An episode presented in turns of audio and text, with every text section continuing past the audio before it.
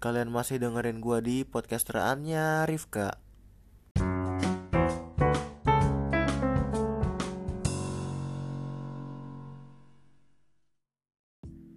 Ya sebelumnya gua ngucapin terima kasih sama semuanya yang masih mau ngedengerin di episode kedua gua kali ini. Ya mungkin mostly teman-teman gue juga sih yang bakal dengerin ini Tapi ya gak apa-apa lah. Gue ngucapin terima kasih di awal. Ya mungkin ya kalau kata orang juga udah jadi budaya Indonesia kan kalau ngucapin terima kasih minta tolong sama minta maaf itu jadi harus dibiasakan lah yoi. Sok banget gue ya. Ya pokoknya gitulah. Ya btw sebelum masuk ke topik yang pengen gue bahas gue kemarin dengerin podcast pertama gue. Gue kan apa ya bilang kalau gue pengen ngurangin AE AE kan. Ya karena biar gak kepanjangan durasinya sama biar biar kelihatan bagus aja gitu biar enak didengar. Ya tapi pas gue denger lagi di 5 menit pertama jadi kayaknya tuh banyak banget gitu. Gue gak ngerti sih ini kenapa gue jadi kayak anak jaksel gitu. Kayak jadi kayak jadi kayak jadi kayak jadi kayak ya jadi kayak gue pengen jadi kaya. Ya gue jadi pengen kaya. Ya gue jadi pengen kaya gitu. Pokoknya gitu deh pengen jadi kaya. Ya kayak gitu. Pokoknya kayak aneh gitulah jadinya. Ya begitulah. Jadi AE nya hilang. Terus ya gue ngeh sih kalau gue sekarang kalau di SMA kan gue suka ngomong gitu kan gitu gitu gitu. Buat pas apa ya pas lagi gue mikir tuh jadi jeda mikirnya itu gue gue transformasiin ke salah satu kata yaitu gitu. Tapi sekarang gue nggak tahu terinfluence dari mana jadi sering ngomong jadi kaya. Kaya jadi kaya pokoknya sering banget. Nggak tahu itu gue dapet pengaruh dari mana. Ya tiba-tiba pas gue dengerin podcast di episode pertama gue kemarin jadi banyak banget jadi kayanya gitu. Aneh jadi jadi yang ngedengerin di episode kedua kali ini ya harap maklum kalau jadi kayaknya bakal banyak banget ya mungkin bisa lu hitungin lah kalau gabut. Ya lanjut ke topik yang pengen gue bahas gitu. Jadi btw sekarang jam 12.40 malam. Pagi malam entahlah terserah kalian nganggapnya pagi atau malam. Pokoknya ketika orang lain tidur gue bangun dan tiba-tiba dapet ilham. Nggak dapet ilham sih. Seperti halnya gue pengen ngebahas sesuatu yang karena gue tertrigger oleh sesuatu juga gitu. Oleh karena salah satu faktor yaitu gue habis baca berita tentang yang lo tau gak sih yang di Jakarta itu yang trotoar yang tadinya hitam putih itu dicat warna-warni. Karena buat menyambut Asian Games sama BTW sekarang Hamin sekarang hari Rabu kemarin Minggu Hamin 21 sekarang Hamin 18 Asian Games BTW sama hmm, yang tentang jalur sepeda itu lah yang fail banget yang jalur sepeda di Jakarta. Terus hmm, itu ada mentok tiang apa ya rambu-rambu lalu lintas gitu tuh lucu banget sih.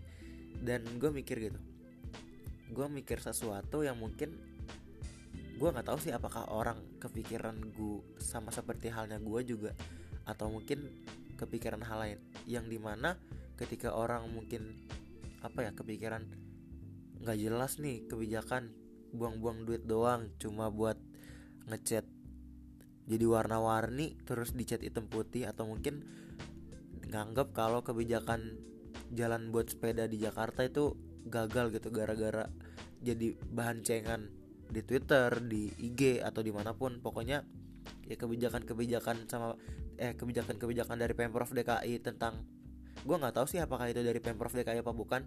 Ya tapi pokoknya dari kebijakan pemerintah lah. Dari pemerintah dicengin sama oposisinya sama warga net. Ya ya lagi viral sih dua itu. Ya trotoar sama jalur sepeda. Dan gue mikir kalau kita ini terlalu overexpose aja sih tentang berita-berita yang ada di Jakarta. Gue tahu ini bakal aneh di depan, tapi dengerin gue ngomong dulu, uh, dengerin bacotan gue dulu. uh, jadi kenapa gue mikir overexpose dan terlalu banyak berita tentang itu ya karena emang terlalu banyak aja sih kalau menurut gue gini maksudnya terlebih di Jakarta Jabodetabek lah ya. Jabodetabek dan Jawa itu bener-bener apa ya? Hmm, menurut gue terlalu dapat banyak spotlight aja sih sama media. Media terlalu banyak nge-spotlight Jawa dan di Jawa itu bener-bener nge-spotlight Jabodetabek. Dan dari Jabodetabek itu bener-bener nge-spotlight Jakartanya. Kenapa gue bisa bilang begitu? Ya karena coba lu tanya sama orang-orang apa ya Banyuwangi mungkin terus Jember. Mana lagi sih?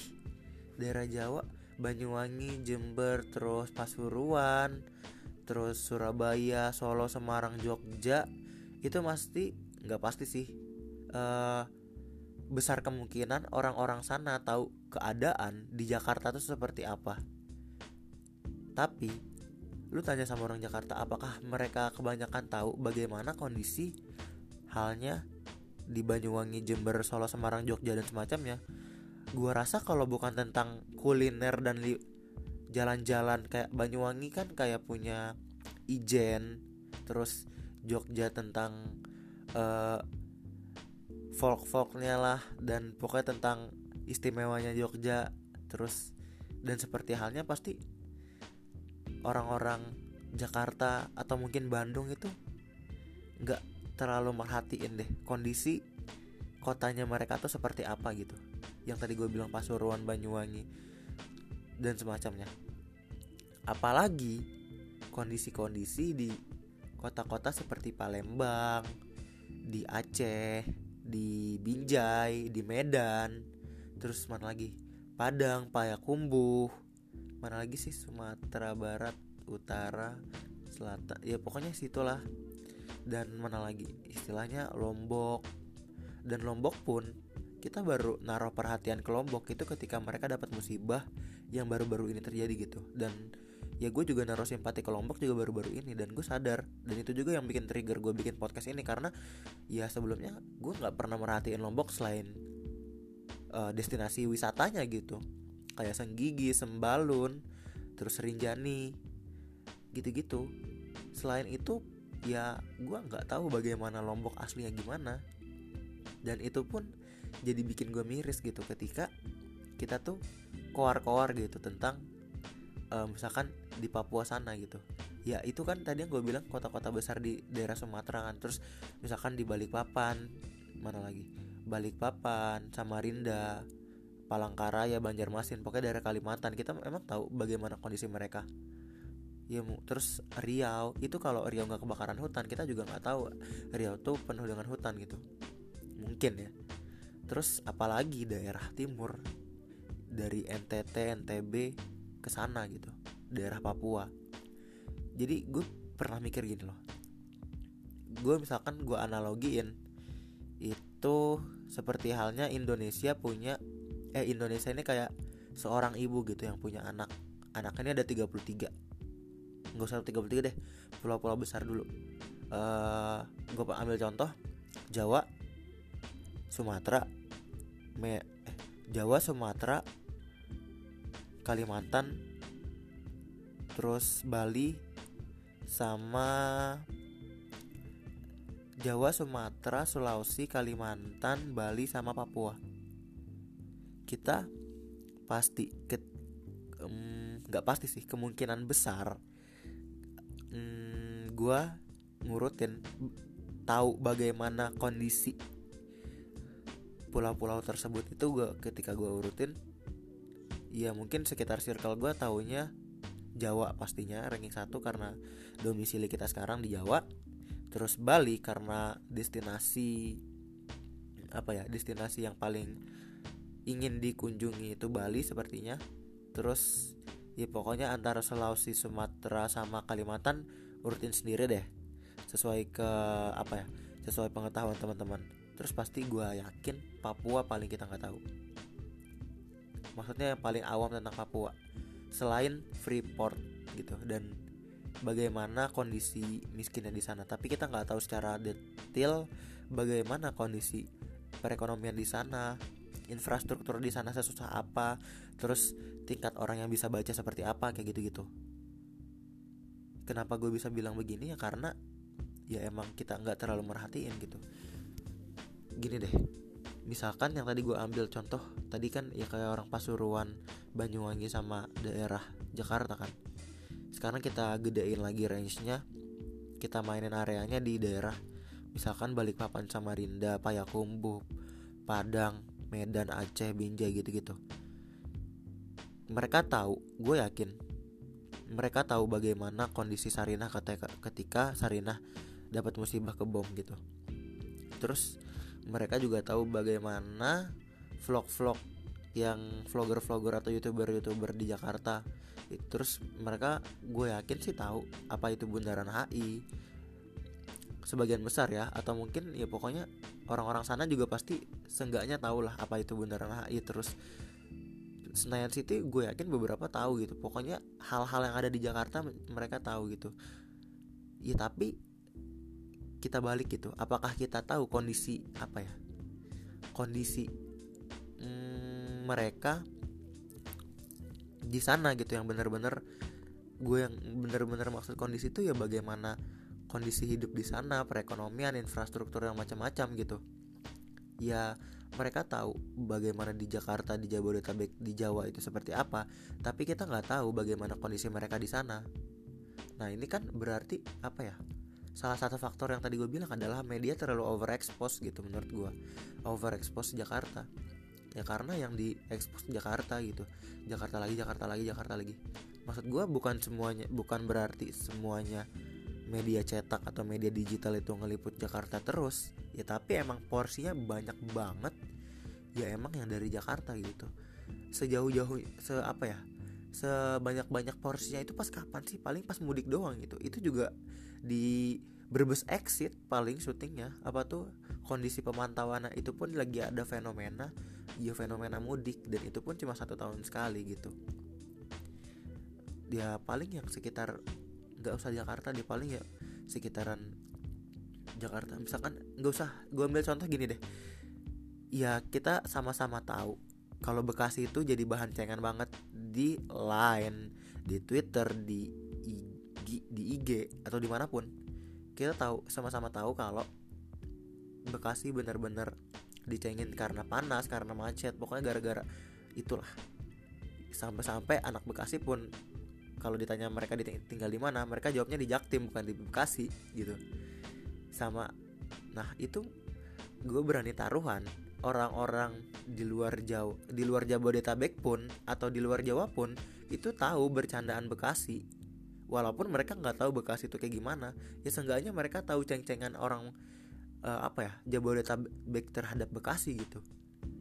Dari situ aja kita bisa simpulin begitu apa ya dapat spotlight sebegitu dapat spotlightnya Jabodetabek itu di mata apa ya ke eh maksud gue sebegitu dapat spotlightnya ja, uh, daerah-daerah Jabodetabek di antara daerah-daerah lain terkhusus daerah Papua, daerah timur sana gitu. Uh, maksud gua ngomong begini adalah kita sama-sama tahu kalau zamannya BJ Habibie Timor Leste Timur Timur itu lepas dan jadi Timor Leste kan. Dan di situ pasti ada yang nyalahin Habibie gara-gara gak becus ngurusnya. Tapi kalau menurut gue sendiri itu salah kita kita juga sebagai apa ya saudara atau teman pokoknya apalah lu nganggap mereka itu uh, pokoknya mereka juga masih satu negara sama kita di kita seharusnya sama-sama punya KTP dan semacamnya. Dan kenapa mereka merdeka dan lepas dari Indonesia menurut gue salah kita gitu. Karena ya dari apa ya dari segi rakyatnya pun kalau menurut gue terkesan menganaktirikan gitu. Karena kita nggak peduli dan nggak begitu menaruh perhatian terhadap mereka. Ya secara nggak sadar sih kalau menurut gue ya ceng-cengan terhadap Bekasi pun itu ter, termasuk perhatian. Kita naruh perhatian terhadap Bekasi gitu. Kita peduli terhadap Bekasi tapi dalam kita kita representasikan dalam bentuk ceng-cengan gitu. Ya tapi kita nggak pernah kan tahu ceng-cengan mereka di sana dan kondisi mereka di sana. Sedangkan mereka tahu gitu. Jadi mereka merasa teranak tirikan dan nggak merasa dapat perhatian gitu ya dan yang selalu dapat spotlight yang selalu dapat lampu yang selalu dapat highlight yang selalu dapat garis bawah itu selalu nggak selalu sih porsinya selalu uh, eh maksud gue porsinya paling banyak porsinya itu paling banyak adalah daerah Jabodetabek terkhusus Jakarta gitu. Kayak bener-bener gimana ya? Ya pokoknya gitu deh. Kayak kalau kita bandingin itu bener-bener imbalance gitu. Bagaimana pemberitaan media terhadap Jakarta dan daerah-daerah lainnya terkhusus Jayapura atau pokoknya daerah Papua deh. Ya intinya adalah ketika gini gue ngambil kutipan dari apa ya? Enggak deh sebelum masuk kutipan kita bahas Freeport dulu. Kita uh, koar-koar soal Freeport kita koar-koar sedang uh, tentang Malaysia ngambil wayang ngambil reok ngambil rendang itu tuh ketika udah kejadian gitu. Kita koar-koar pas mungkin pas di zaman 9899 uh, masyarakat pada saat itu koar-koar. Kalau Timur Leste Timur Timur lepas terus jadi Timur Leste terus kita marah kan.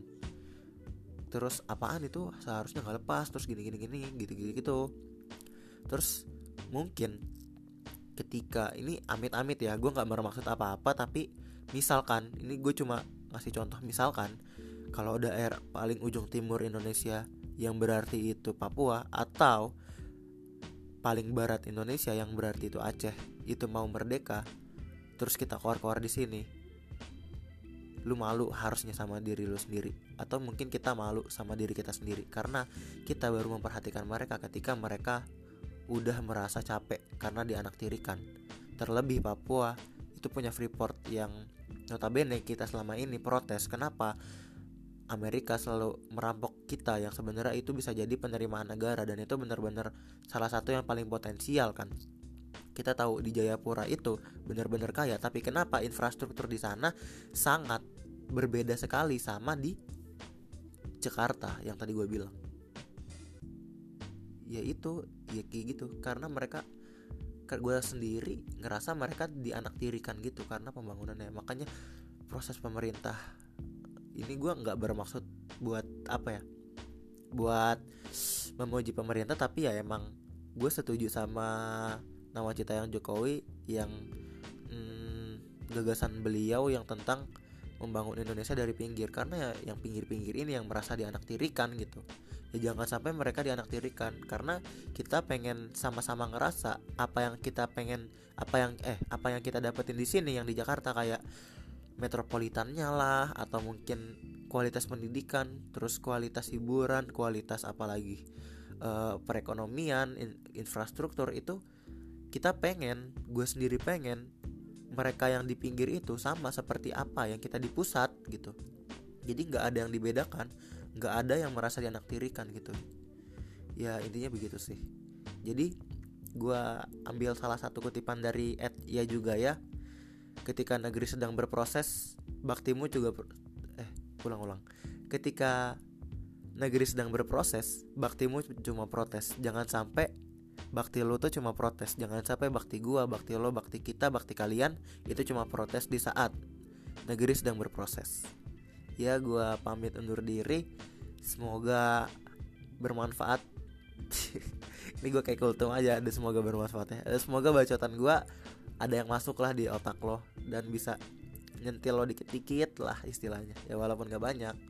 Ya tapi seenggaknya uh, random talks gue malam talks gue malam-malam gini bisa bikin mikir dikit-dikit dan bisa apa ya Iya juga ya asik. Asik banget gak sih gue ya pokoknya bisa jadi buat pencitraan lo pencit di depan uh, orang tuanya doi.